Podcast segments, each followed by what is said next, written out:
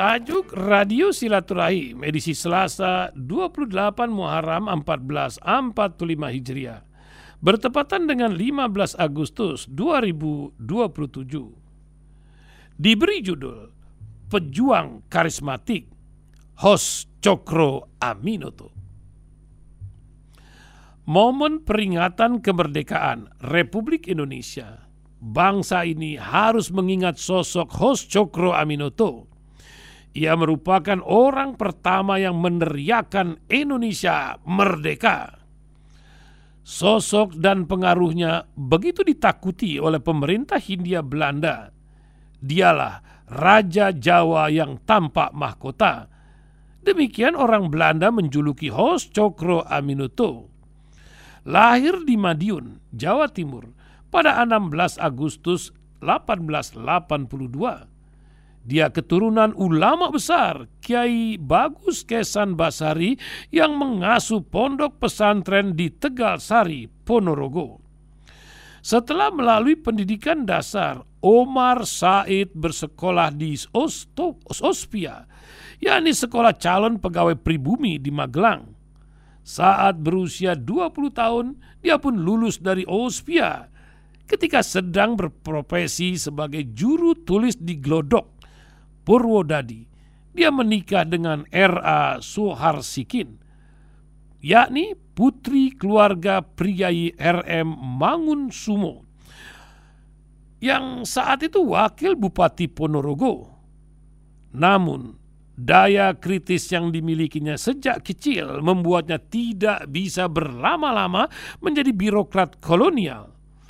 Pada 1905, Cokro Aminoto mundur dari pekerjaannya. Dia lantas beranjak ke Madiun untuk mengunjungi sejumlah pondok pesantren.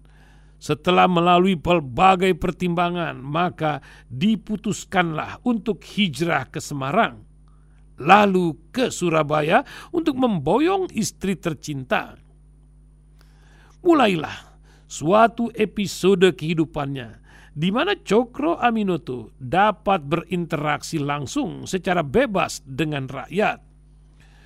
Cokro Aminoto sangat gemar penulis. Dia pun menekuni dunia jurnalistik.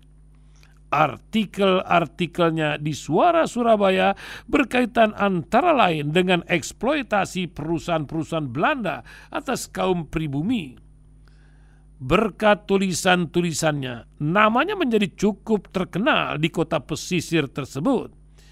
Dia menjadi apa yang diistilahkan sang perintis pers Indonesia Abdul Rifai sebagai bangsawan pikiran. Selama di Surabaya, Cokro Aminoto tinggal di Jalan Paneleh 7, nomor 29 dan 31 Rumah itu terletak di kawasan perkampungan padat penduduk. Walaupun resminya dia bekerja sebagai pegawai pabrik, aktivitasnya di berbagai organisasi dan diskusi-diskusi membuat namanya dikenal sebagai tokoh pergerakan nasional. Sejak 1912 misalnya, dia sudah dengan lantang menyerukan perlunya Hindia Belanda dilengkapi dengan pemerintahan otonom yang lepas dari negara Belanda. Semangat nasionalisme yang disuarakannya membuat orang-orang terkesima dan akhirnya tertarik untuk mengikuti jejak langkahnya. Salah satu figur yang pada masanya remajanya berproses di sana adalah Soekarno. Ayah sang proklamator itu Raden Sukemi bersahabat baik dengan Cokro Aminoto sudah sejak awal Raden Sukemi ingin anaknya itu diinapkan di sana selama bersekolah di Surabaya. Dalam autobiografi Bung Karno mengenang rumah Cokro Aminoto tersebut sebagai dapur nasional.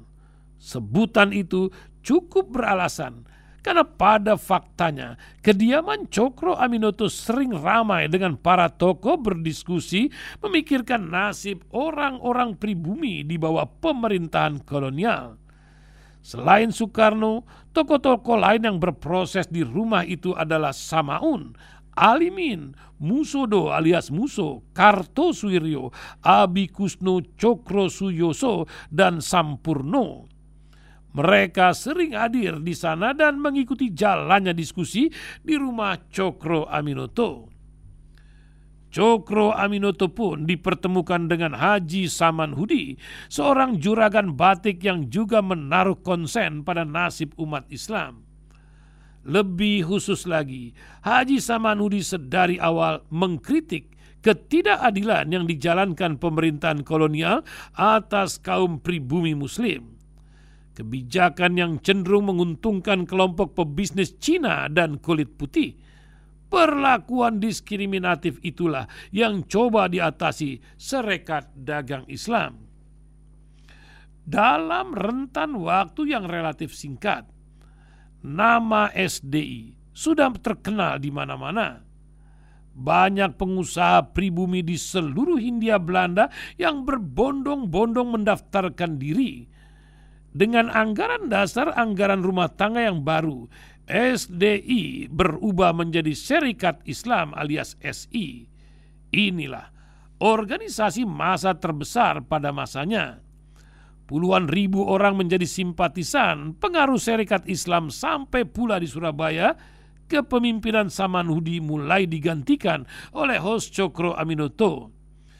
Pada saat itu profilnya sudah sedemikian terkenal dan karismatik di tengah publik.